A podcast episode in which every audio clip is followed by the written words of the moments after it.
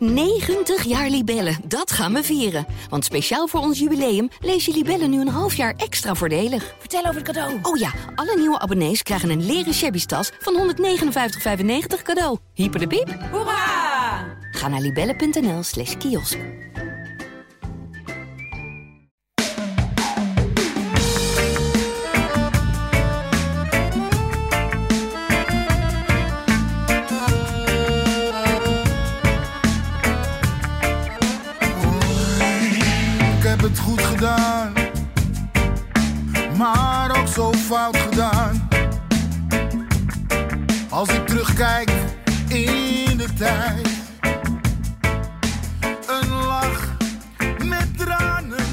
De sociale media bereiken ons foto's en filmpjes van Ajaxide op azuurblauwe wateren.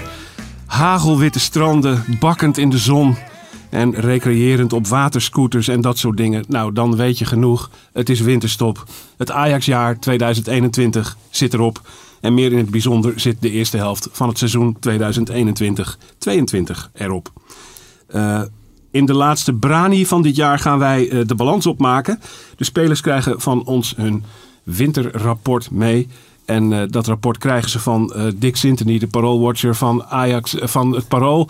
van Thijs Wageman van Ajax Showtime. Onze speciale gast Sam Planting, die weer eens is aangeschoven. Geschoven. Welkom Sam. En van mij dus, uw spelverdeler Menno Pot. We gaan ze allemaal een rapportcijfer geven. En onze Brani top 3 van Ajaxide. Eh, Schitterende kersttrui eh, trouwens, heb je aan, Menno. Nou, ik ben blij dat je het toch de, even de zegt. luisteraar kan het niet zien, maar het is echt eh, Geloofde ik maar. een Ja. Ajax, Ajax kersttrui. Ja, prachtig. Mijn zoontje en ik eh, hebben dezelfde. En, eh, toen Heb je die dan de hele kerst aan, of niet? Ja, dat ruik je het niet? Nee, dat niet. Ja, gourmet, gourmet zit er lucht, een beetje eh, zit in. erin. Maar hij is prachtig. Ja, hij is voor een foute kersttrui nog best goed eigenlijk, vind ik persoonlijk. Hij kan. Dus eh, oké dan. Ehm, eh, we, gaan, we gaan terugblikken, jongens, op dat eh, eh, eerste helft van het seizoen 2021-22. Maar toch ook een beetje even op, op kalenderjaar 2021 als geheel. Want we sluiten hier per slot van rekening ook een kalenderjaar af.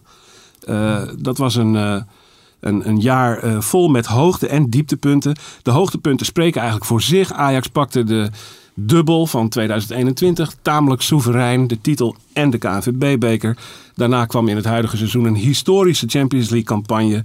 Eh, de geweldige selectie bleef eigenlijk bij één. En er kwam zelfs nog wat kwaliteit bij. En we hebben wedstrijden zoals tegen AZ, de, de min of meer bijna kampioenswedstrijd. En daarna ook Borussia Dortmund en PSV en Besiktas hebben we met publiek kunnen spelen. Een aantal keer daarvan zelfs in een propvolle arena. Dieptepunten waren er ook. Denk aan eh Vinkjes Gate. ehm, Sebastian Haller die niet werd ingeschreven voor de Europa League. De dopingzaak van André Onana. De totaal bevroren transfermarkt waar Ajax toch wel een beetje mee in de maag zit. En toch ook wel het grootste deel van het jaar werd, werd zonder publiek gespeeld. Hoe kijk jij terug op dit kalenderjaar, Dick? Jij hebt er als een van de weinigen eh, toch vaak bijgezeten op de tribune in, in veelal lege stadions. Ja, Wat was het voor een Ajax-jaar? Duid dat eens voor ons. Eh, ja, eh, sportief natuurlijk een geweldig jaar. Ehm, met een eh, niet, niet, niet verwachte eh, Europese campagne.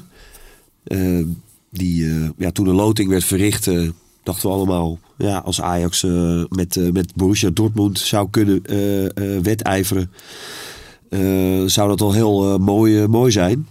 En misschien gaan ze voor, voor de tweede plaats samen met Sporting. Ja, Ja, dat, was een beetje de verwachting. Dat was een beetje de? Ja. verwachting. Ja.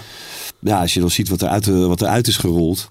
Ja, dat is natuurlijk eh, fenomenaal eigenlijk. Qua eh, resultaat. Ja. Eh, de dubbel gepakt. Ook goed. Maar ja, goed, toch ook wel een beetje nog...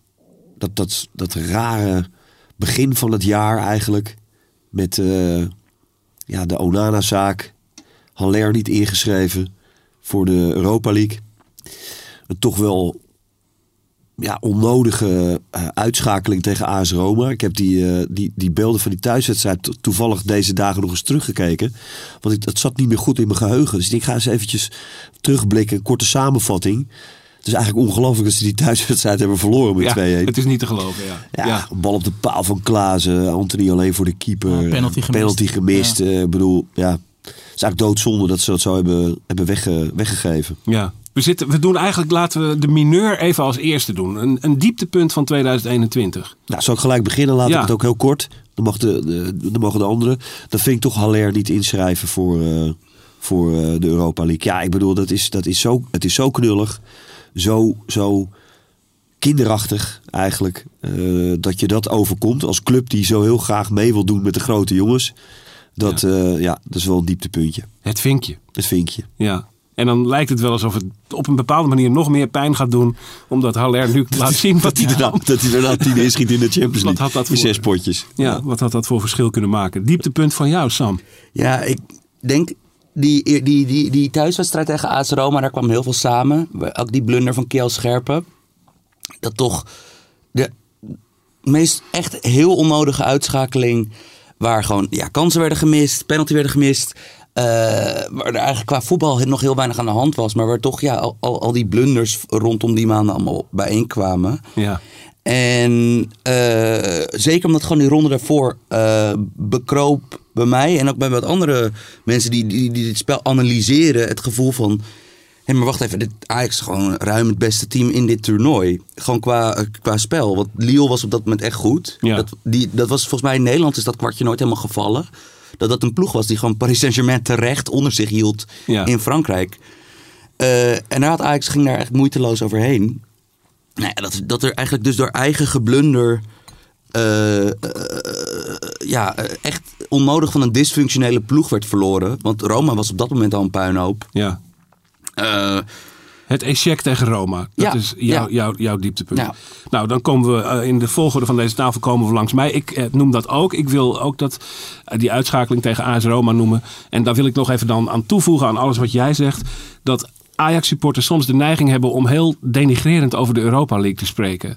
Dat sentiment deel ik niet. Ik vind de, eh, de UEFA Cup, de Europa League, vind ik een Europese hoofdprijs die echt zeer ver boven bijvoorbeeld de Nederlandse landstitel verheven is. En het was echt een kans voor Ajax om dat ding te winnen. Ze zagen er tegen Lille en Young Boys een aantal weken, eigenlijk twee maanden lang, uit als een ploeg die dat toernooi zou kunnen winnen. En dat dat niet gebeurd is tegen zo'n zwak Roma door zulke dom. Ik blijf het heel erg jammer vinden dat dat op die manier mislukt is. Nou, dan hopen we dat Thijs Zwageman iets anders noemt dan. AS Roma. Ja, ja, ja, nee zeker. Ik vind het eh, dieptepunt toch wel Onana. En eh, die schorsing en hoe dat hele sentiment eigenlijk gekeerd is. Ja. Ik denk dat het fantastisch is eh, hoe hij is gekomen natuurlijk vanuit jong Ajax. Geruisloos eigenlijk die positie toen van Sillis heeft overgenomen. Echt is uitgegroeid tot publiekslieveling. Tot een van de beste keepers ter wereld. Met ja, katachtige re- reflexen, Want dat was hij echt op een gegeven ja, moment, hè? absoluut. Ja. Helemaal dat Champions League jaar natuurlijk. Nou, dat Europa League jaar wat je... Ja, eh, daar gaan ook mijn herinneringen gelijk naar uit. Van als je zegt Europa League, wat voor een mooi toernooi dat is. Nou, die hele campagne onder Peter Bos. Waarin Onana natuurlijk ook eh, goed was. Eh, en als je dan nu ziet, zeg maar, bij alle berichtgeving die over hem is, wat voor reacties daarop komen. Ja, natuurlijk enigszins begrijpelijk als je ziet hoe hij Ajax uiteindelijk dus transfervrij en door de achterdeur gaat verlaten. Maar ik vind dat heel erg zonde. En het had zo mooi geweest als hij eh, voor een miljoenenbedrag een transfer had gemaakt. En nog eh, de komende 10 tot 15 jaar een van de beste keepers ter wereld is. En Ja. dat je daar eh, als Ajax trots op kan zijn. En, dat, Ajax in liefde afscheid van hem had ja, kunnen nemen. ja, ja, en dat, Ja. Had hij, dat had hij echt ja, verdiend tot aan die schorsing. Want alles wat daarna is gebeurd, dat, daar is genoeg over gezegd en geschreven. Maar ik vind dat wel, wel echt een dieptepunt. En jammer dat dat zo is gelopen. Ja. Dieptepunten, dieptepunten, dieptepunten. Dames en heren. Maar laten we niet vergeten dat er vooral heel veel sportieve hoogtepunten waren in dit eh, kalenderjaar. En laten we dan vooral ook niet vergeten die landstitel van 2021, die toch een klein beetje onderschat is. Dat was een Ajax dat heel weinig fouten maakte en buitengewoon eh, weinig verzaakte eigenlijk. Ze verzaakte eigenlijk nooit. Dat doet het Ajax van het lopende seizoen af en toe wel. Nou, Ehm, we gaan naar eh, de spelersrapporten. We gaan eh, inzoomen op de, tweede, op de tweede helft van het jaar en dus op de eerste helft van het seizoen 2021-22. Eh, we gaan rapportcijfers uitdelen aan alle spelers. Dat wil zeggen, niet aan alle spelers. We beperken ons dan tot spelers die tot 15 wedstrijden of meer zijn gekomen. Ehm, in totaal zijn er ingezet, ik heb dat even nagegaan. Er zijn 30 Ajaxiden hebben er officiële minuten gemaakt in Ajax 1. Als je gaat kijken wie daarvan 15 optredens of meer hadden, dan blijven er 22 over. Als je gaat kijken wie er meer dan 10 optredens hebben, blijven er eh, maar 18 over. Eh, dus het is een tamelijk kleine kern. Uiteindelijk zijn er 15 spelers die eh 15 wedstrijden of meer eh, hebben gespeeld. Eh, die gaan we allemaal een rapportcijfer geven. En ik stel voor dat ik ze de revue laat passeren. Dat jullie je rapportcijfer roepen. En dan gaan we aan het einde daarvan natuurlijk kijken wat onze Brani top 3 van Ajaxide uit deze eerste seizoenshelft is. Ehm, en dan beginnen we, denk ik maar, bij de doelman. Remco Pasveer. Yes. Thijs. Ja, ik geef hem een 7,5. Dick. 8. 7,5. Goed. Ik geef hem een 8. Zijn mooie cijfers voor Remco Pasveer. We hadden niet op hem gerekend, Thijs. Nee, dat absoluut hij eh, zou komen. Nee. Maarten Stekelenburg viel al heel snel weg. Mhm. En in het begin was er twijfel. Ja, ja, zeker. Ja, iedereen herinnert zich natuurlijk nog die, krui, die wedstrijd om de kruisschaal. Toen Stekenburg nog niet eh, helemaal fit was. Nou, en later hoe pas weer natuurlijk in de ploeg is gekomen eh, tegen Sporting eigenlijk. Ja, daar blunderde hij ook. Dus ja, toen, toen was er zeker twijfel. En toen had je op een gegeven moment ook wel dat er rondom elke... nou, hij- zoveel tegengoals heeft Ajax niet gekregen. Maar bij elke tegengoal werd eh, het vergrootglas natuurlijk op de doelman gelegd. Dat was al bij Twente uit met Stekelenburg en later Utrecht thuis ook met, eh, met Pasveer. Waar toch, eh, dat zijn eigenlijk normale doelpunten, maar toch gaat iedereen kijken naar ja, de keeper kan er wellicht meer doen. Dus dat was toen het zeker het sentiment. Maar als je ziet hoe hij zich vervolgens staande heeft gehouden, in de, de rust die hij daar etaleert. eh, ik vind hem meevoetballend eh, echt ontzettend sterk. Dat was me bij Vitesse en eerder in zijn carrière eigenlijk nooit zo opgevallen als dat hij dat nu bij Ajax doet. Ja. Met ook ballen die hij weglegt bij vleugelspelers, bij Haller. Eh, maar ook het inspelen gewoon tussen die linies en waarin hij echt wel risico durft te nemen. En dat vind ik eigenlijk heel erg mooi voor een doelman op zijn leeftijd. En ja, daarbij eh, ja, is hij nu niet echt meer op fouten te betrappen. Het is gewoon een hele solide doelman. Dus ja, 7,5 van mij. En dat heeft wel nog met dat begin te maken, dat natuurlijk gewoon niet goed was. Eh, De eerste indruk was niet goed, maar hij, eh, hij verrast me echt positief. Dus ik hoop dat hij dat nog lang volhoudt. Als ik aan Pasveer denk, denk ik aan dat de opvallende manier waarop hij zo door de knieën gaat als er een speler vanuit, eh, vanaf de zijkanten komt. Hoe die dan de kleine hoek af, afdekt met een soort van, bijna alsof hij iemand ten huwelijk gaat vragen. dat is een aparte techniek, hè?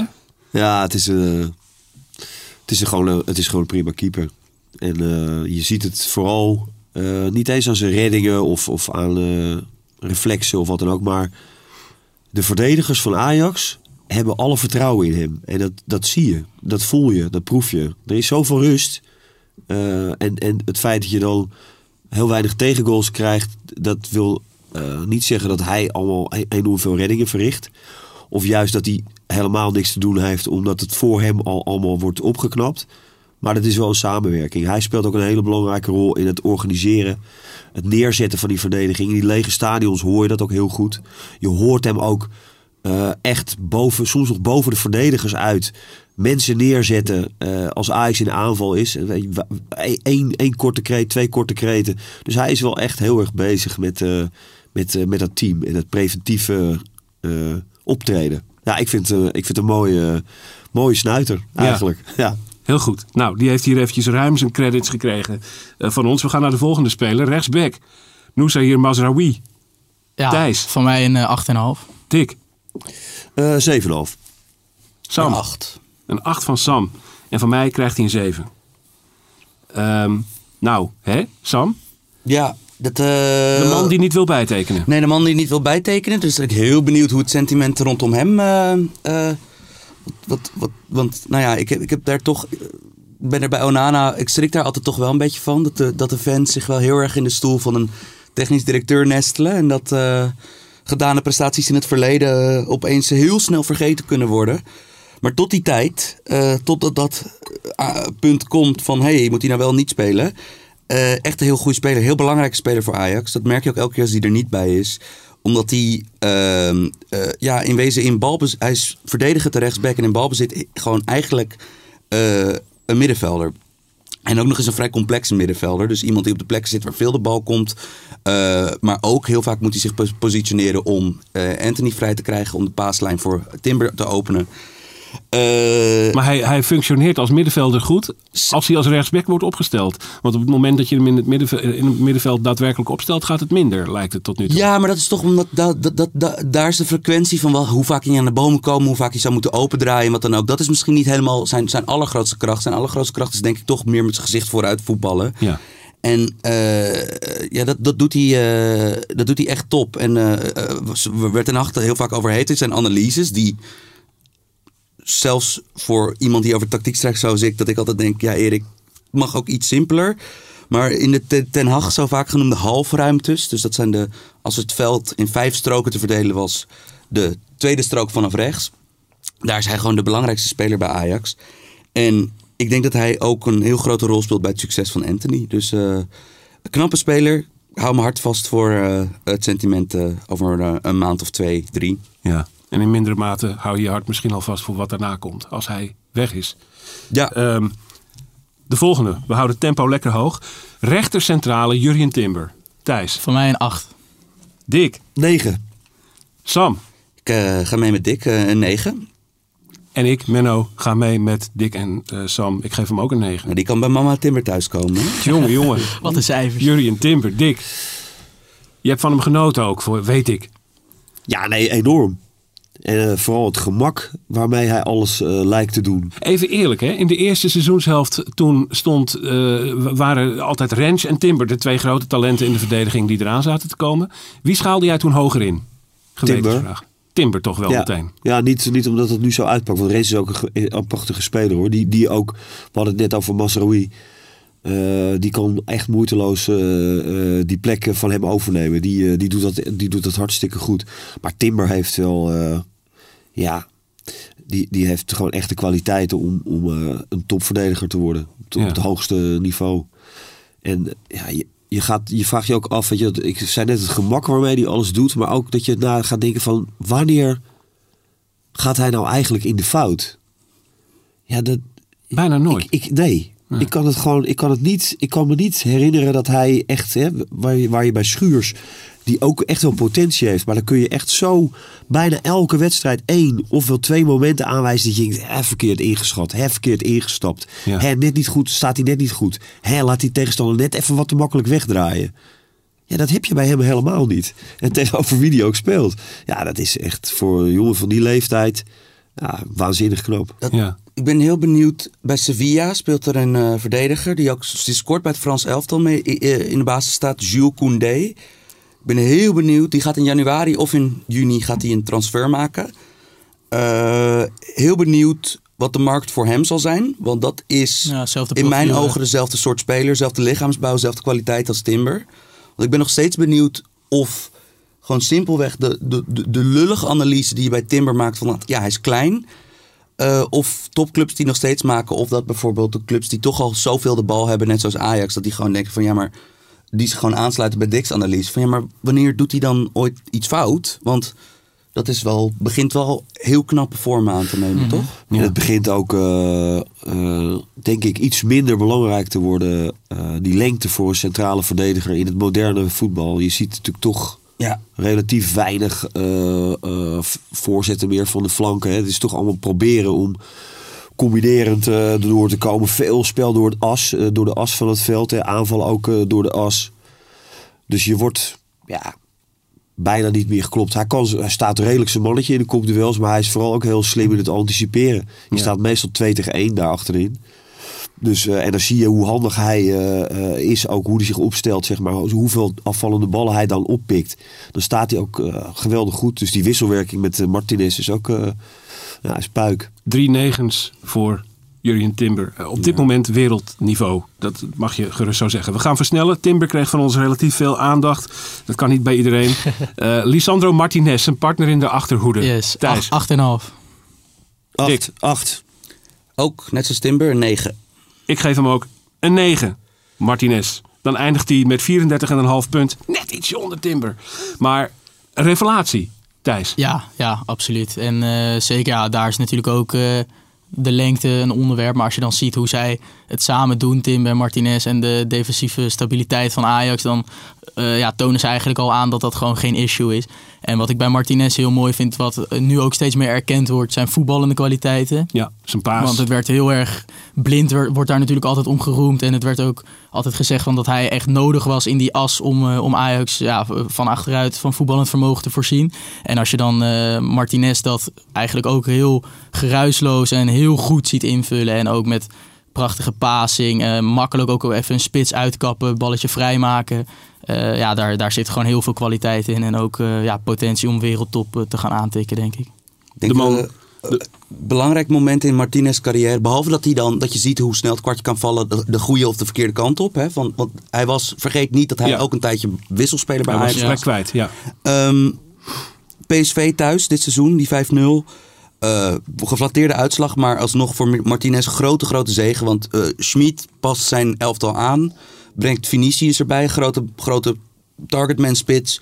Om Timber en eh, Martinez hun, eh, hun eh, gebrek aan lengte af te straffen. En Martinez eh, domineert Vinicius eh, de gele wedstrijd. En dat, eh, Ook dat, in de lucht. en dat zijn de wedstrijden die de scouts serieus zullen nemen. En hij is linksbenig, dus eh, ik denk dat de clubs voor hem eh, echt in de rij zullen staan. En door de man die voorheen als linkercentrale de belangrijke paasjes gaf. Daley Blind zien we nu vooral als linksback. Of eigenlijk bijna alleen nog maar als linksback. Thijs, 7,5.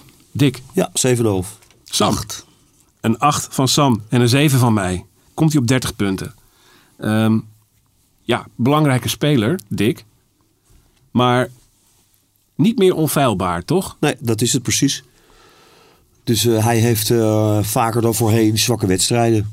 eh, met, met veel balverlies. Is dat ook, leeftijd, Ook, of- ook in het Nederlandse elftal. Ja, dat kan. Maar ik, ik weet het niet. Ik kan daar niet echt mijn vinger op leggen. Zou leeftijd kunnen zijn. Maar ik... ja, toch nog wel een 7,5. Omdat hij... Ja, als hij wel eh, goed in zijn vel eh, steekt... Dan... eh, ja, dan is die, die linkerkant van Ajax toch wel... eh, eh, ja, echt, echt heel goed. Ja. Die wisselwerking met Tadic is goed. Ja, goed, hij heeft zelf nu de aangegeven nog maar weer is dat hij... Hij speelt het liefst in de as van het veld. Ehm, dat snap ik. Maar ik denk dat het, zoals het nu staat... dat dit wel zijn, eh, zijn beste positie is. Ja, hij Voor, klopt. eh, voor. Martinez daar niet meer in het hart van de verdediging. Nee, en dat, en dat, geeft, dat geeft ook wel iets aan. Hè. Je kan ook gewoon eh, concluderen dat hij daar eigenlijk de concurrentiestrijd is verloren. Ja. En dat is helemaal geen schande. Dat geeft niet. Want maar goed, hij heeft daar nog steeds eh, zijn, zijn waarde. En Ten Hag is ook wel een trainer die het dan weer zo neerzet dat hij daar ook zijn waarde heeft en krijgt en houdt. Dus eh, hij kan zich uitleven. En samen met Tadic zeg ik die linkerkant. Ja, ik, eh, ik vind het wel eh, mooi hoe dat eh, op, op rechts en op links echt twee, twee eh, atypische flanken, tenminste van elkaar afwijkende flanken. Maar ja, dat is wel, eh, voor de verrassing is dat wel prettig. Ja. Net voor die verdediging. eh, ook een man met een opmar- opmerkelijke opmars. Terwijl hij een tijd geleden nog eh, volledig zijn plek kwijt was. Eh, onze vriend Edson Alvarez. Thijs, 7,5. Dick, Ja, 7,5. Sam. Eens, 7,5. En ik geef hem een 8. Komt hij op 30 punten. Precies hetzelfde als Daily Blind. Hm. Hè? 30,5. Nou, eh, eh, ja. ja. Ja, dat, dat, dat, snel gerekend. maar dat is op zich wel 30 grappig. ja, nee, ja, ja, precies. Want even, even kijken. Jij geeft hem een 7,5, Dick. 7,5. Ja, precies. Oké, dan, eh, eh, dan krijgt hij een half puntje meer. 30,5. Staat hij een half puntje boven Daily Blind. Oh, dan geef ik hem een 7. Nee. nee, maar het is wel, het is wel grappig dat, die, dat het ligt wel dicht eh, bij elkaar in de buurt. Sam, we zagen de afgelopen week eh, wat, wat berichten op de sociale media en op internet voorbij komen. Waarin na die, die toegenomen credit voor Alvarez ineens toch weer kritiek kwam. Namelijk ja, fotootjes waarbij min of meer werd aangetoond dat hij zich een beetje. dat hij niet om de bal vraagt. Dat hij te weinig eist. Hoe denk jij daarover? Hoe goed is hij nou echt? Nou ja, kijk, eh, dat, dat om de bal vragen. Kijk, eh, hij staat op een plek waar hij veel aanspeelbaar zal zijn. Want Ajax bouwt met drie achterin centraal op.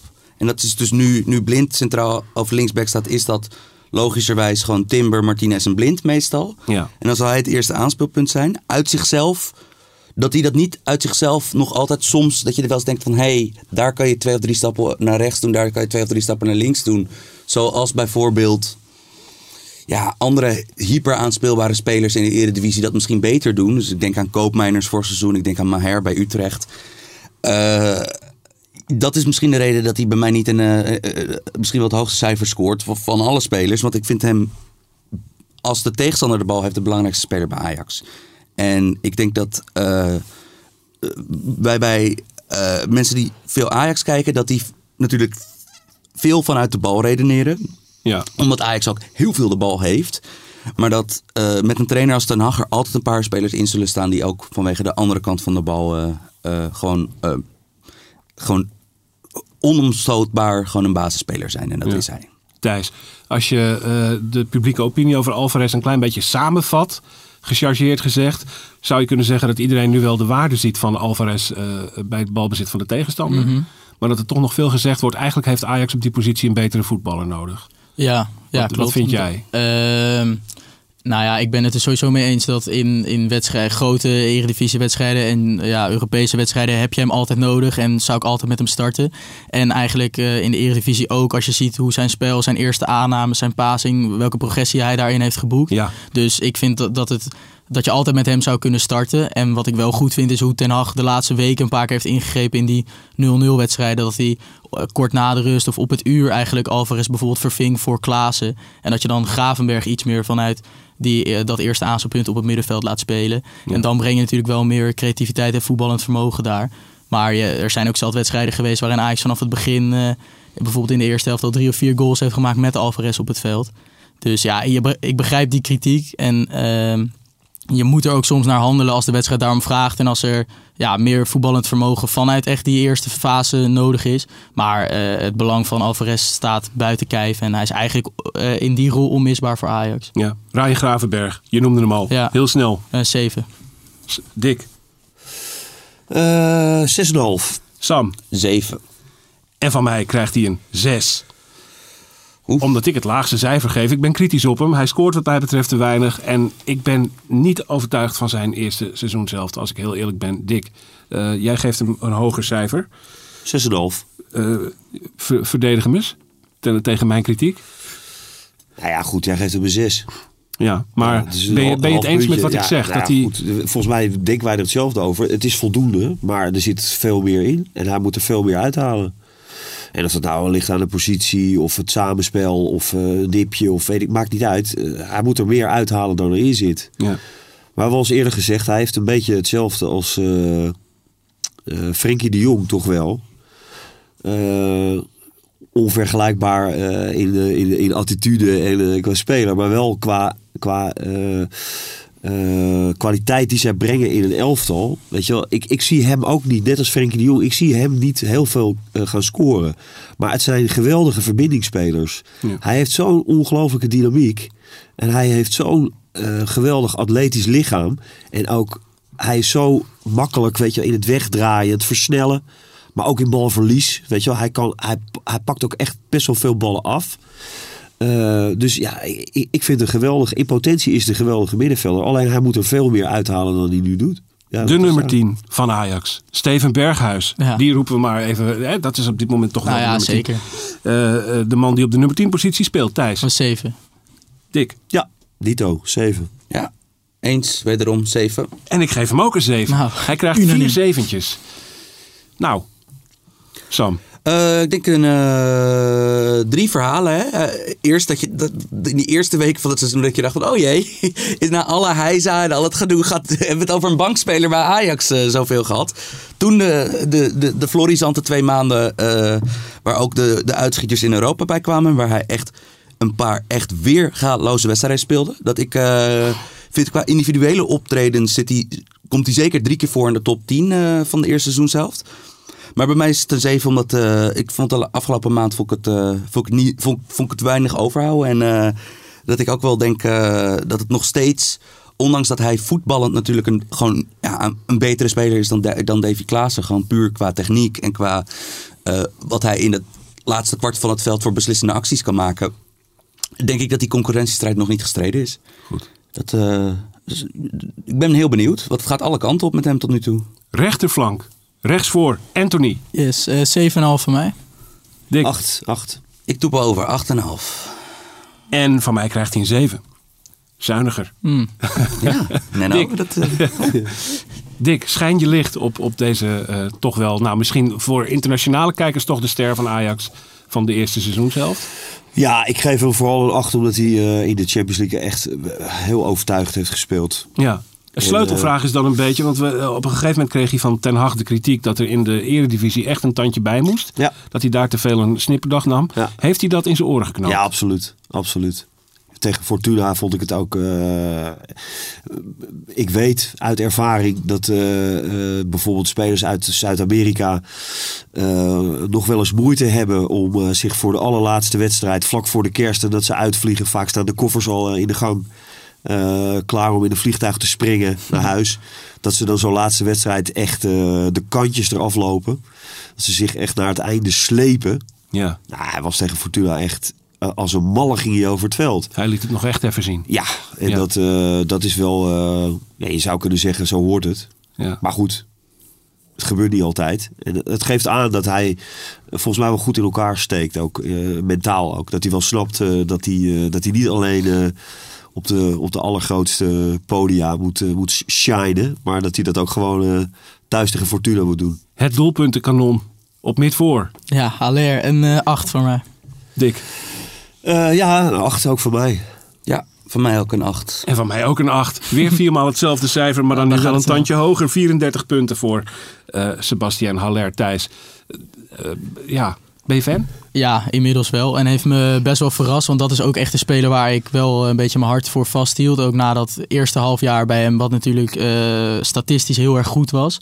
Eh, Maar ja, aan de bal nog wel, eh, nog wel eens minder eh, was en te wensen overliet. En daar is nu wel echt iets in veranderd. En hij is een van de belangrijkste aanvallende wapens van Ajax geworden. En eh, ja, waar je dat eh, in mijn ogen heel erg aan merkt, is als je hoort hoe trainers van de tegenpartij over Ajax praten. Standaard wordt Haller genoemd als eigenlijk eh, eerste of tweede eh, ja, belangrijkste wapen waar je tegen in moet dekken. En ik denk dat dat eh, iets heel veelzeggends is. En als je, hij geeft Ajax echt iets dat, dat eigenlijk de laatste jaren er niet is geweest. En, en zo'n sterk aanspeelpunt, wat in dat opzicht ook gewoon echt van wereldklasse is. Hoe hij kopduels kan winnen, dat zie je ook gewoon aan zijn cijfers. Eh, en ook dus hoe die nu echt veel meer als kapstok fungeert. En natuurlijk door die eh, ongekende Champions League campagne, ja, dan kom je wel eh, zeker op een 8. Het had nog hoger kunnen zijn als hij aan het begin van het seizoen in de Eredivisie ook iets meer had gebracht nog. Maar zoals hij de laatste twee, drie maanden in vorm steekt, eh, twee maanden vooral, dat is, dat is gewoon echt heel goed. Champions League En ik denk eh, dat hij komende Ja. zomer ook dat, dat daar echt clubs heel flink op gaan bieden. Ik Champions League een 10 en de competitie een 6. Dat is eh, samen 8. Ja, ja, ja, dat is- ja. dat is vrij Nee, genadeloos. je, ziet, je, ziet, je, ziet, je ziet ook wel medespelers van hem. eh, De kritiek die op hem is hè, van buiten, dat zie je ook wel af aan zijn medespelers. Die, de, de, de lichaamstaal van de spelers om hem heen. Als hij een keer een bal verkeerd aanneemt of Ja, een kans om zeep dan zie je ze echt zo denken van... Oh, maar als je ze denk ik op de man afvraagt, wil je met of zonder hem spelen? Dat ze allemaal met hem willen Mhm. Ja, spelen. absoluut. Het is, het is een Ja. eh, bijzonder, eh, bijzondere verschijning, vind ik. Het boegbeeld, de captain op, op, links, op de linkerflank, Dusan Tadic. Eh, 7,5. Oh, moet die cijfers er weer bij pakken. Ja, Ja. Sam heeft het al in zijn hoofd zitten. Sam, zeg het eens. Eh, Een 8,5. eh, 8,5 ook, Ja. heb ik. Ja. En ik geef hem een 8. Eh, toch mooie hoge cijfers voor Dusan Tadic. We gaan echt even versnellen. Eh, de man eh, die niet zo vaak in de top 3 van... op het niveau van een wedstrijd niet zo vaak in de top 3 van Ajax staat dit seizoen. Werd laatst opgemerkt. Dat valt inderdaad op. Dat hij, maar toch eigenlijk altijd goed voor assists. Voor doelpunten, voor benutte strafschoppen. En voor heel veel leiding in het veld. Dan hebben we nog een paar mensen die onze groep van 15 completeren. Die niet basisspeler zijn, maar toch wel heel vaak opduiken. Divine, Misschien, misschien moeten we die eh, met z'n vieren gewoon even tegelijk eh, pakken. Dat we die eh, spelers met z'n vieren tegelijk de Ja. cijfers geven. Divine Ranch, Per Schuurs, Davy Klaassen, David Neres, die toch ook nog altijd veel speelt. Dat is misschien wel even waar we nog eentje een beetje op kunnen inzoomen. Want we hebben elkaar cijfers voor deze opname bekeken. Mhm.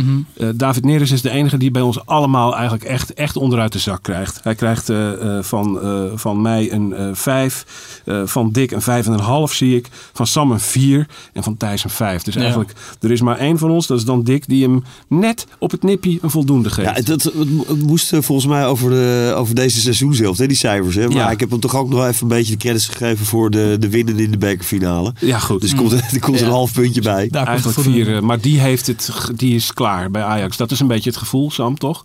Ja, en ook dat, dat je, je ziet het vooral in de Premier League heel veel. Hè? Van jongens tussen de 1 en en 24 die dan niet spelen of blessure dingen krijgen. En, en dat de concurrentie zo moordend is dat ze wegkwijnen en dat ze nooit meer de speler worden die ze waren. Ik vind dat dat hier al in Nederland bij hem is gebeurd. Ja. Dat, ik heb de laatste keer voor een verhaal heb ik een- gewoon 90 minuten lang alleen maar naar hem gekeken. Tegen Sparta was dat. En dat was ehm, slikken.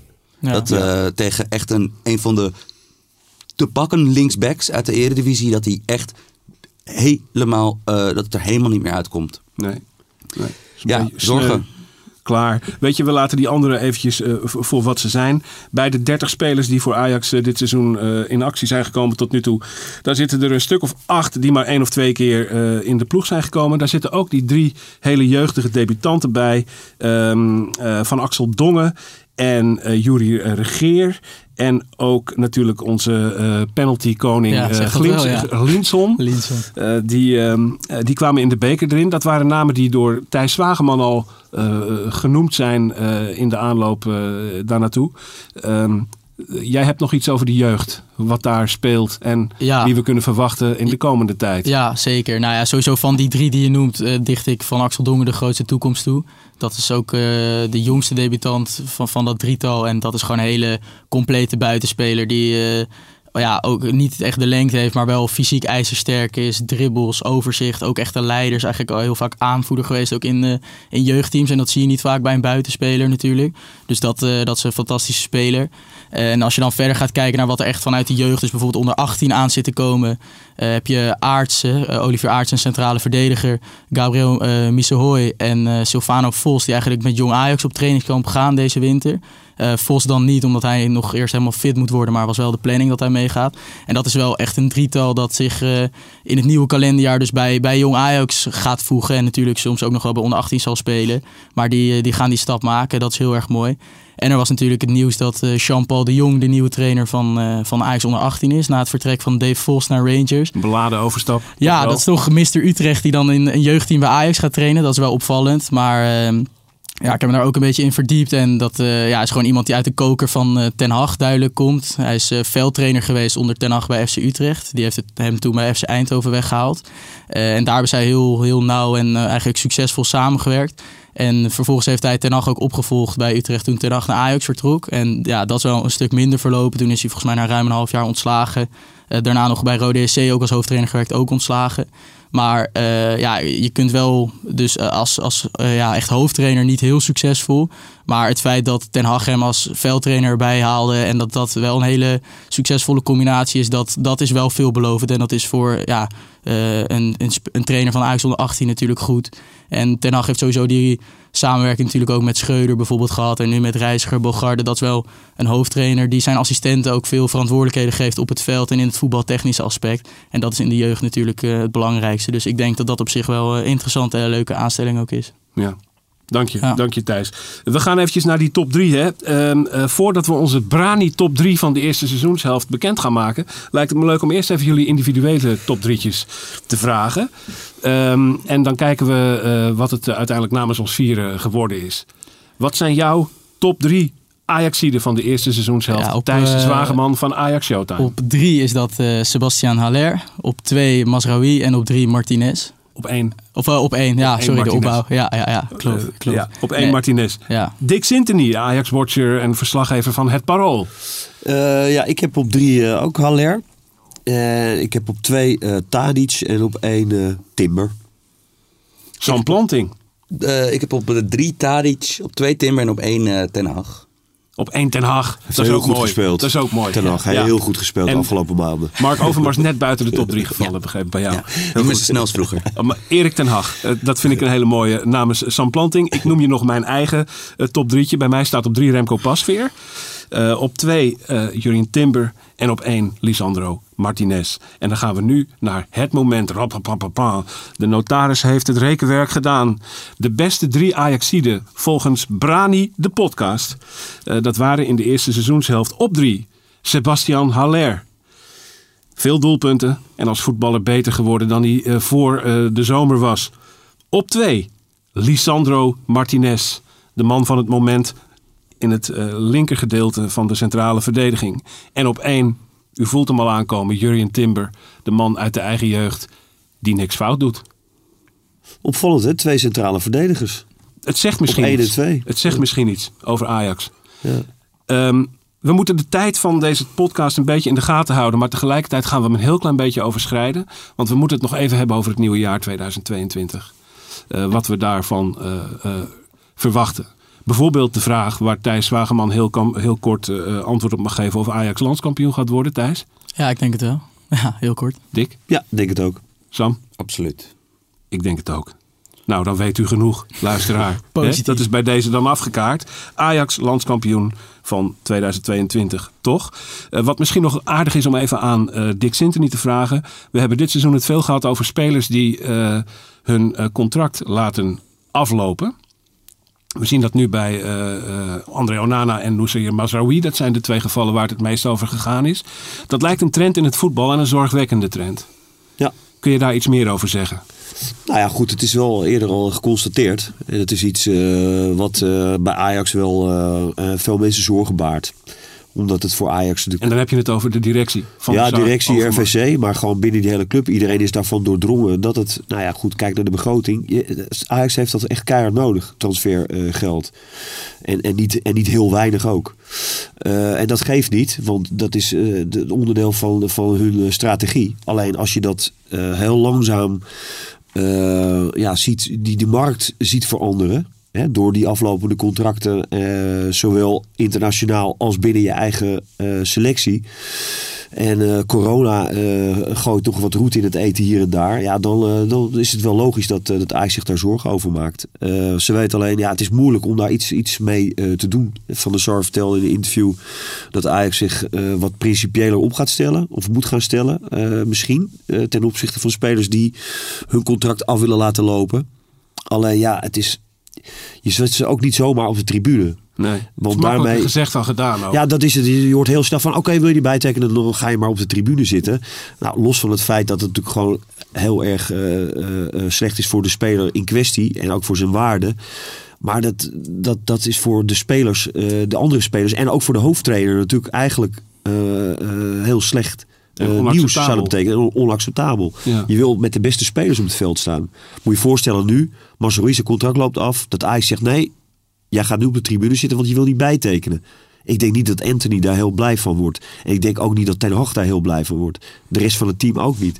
Dus het is een heel lastig... eh, En ook ik- om, om een beetje een tegenargument te geven aan die zorgen binnen Ajax. Van als je Ajax vergelijkt, de situatie van Ajax vergelijkt met die van vergelijkbare clubs. En dan moet je dus denken aan PSV, maar ook Salzburg, Porto. Van de, de, de clubs waar ze zeg maar in het internationale gebied op dit moment het, club, het, club, het, het, het, midden, het mi- middenmootje aan, aanvoeren.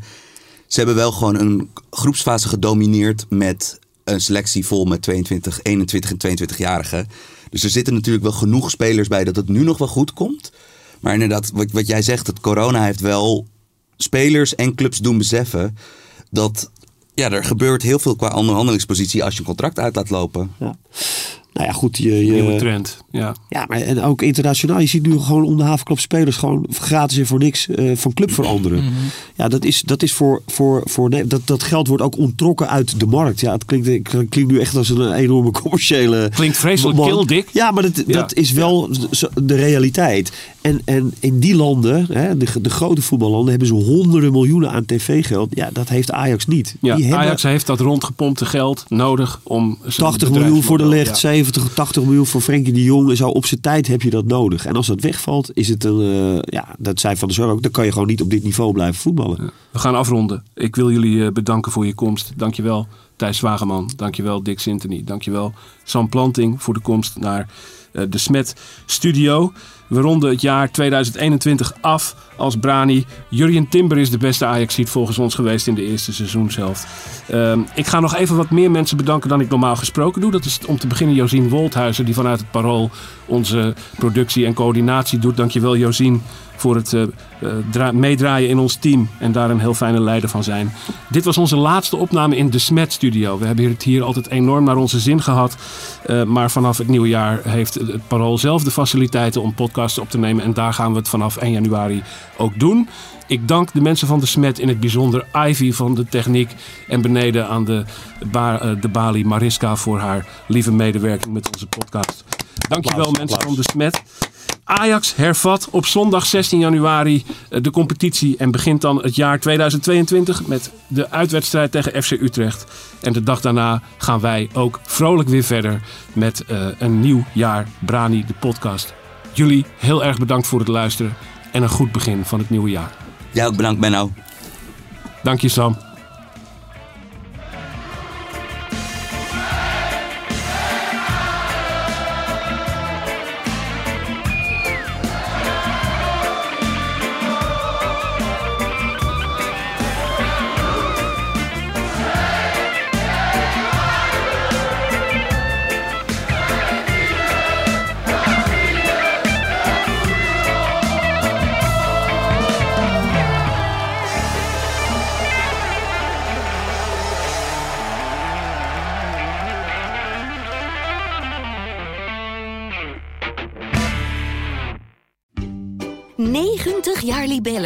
Gaan we vieren. Want speciaal voor ons jubileum lees je Libellen nu een half jaar extra voordelig. Vertel over het cadeau. Oh ja, alle nieuwe abonnees krijgen een leren shabby tas van 159,95 cadeau. Hyper de piep. Hoera! Ga naar libellen.nl slash kiosk.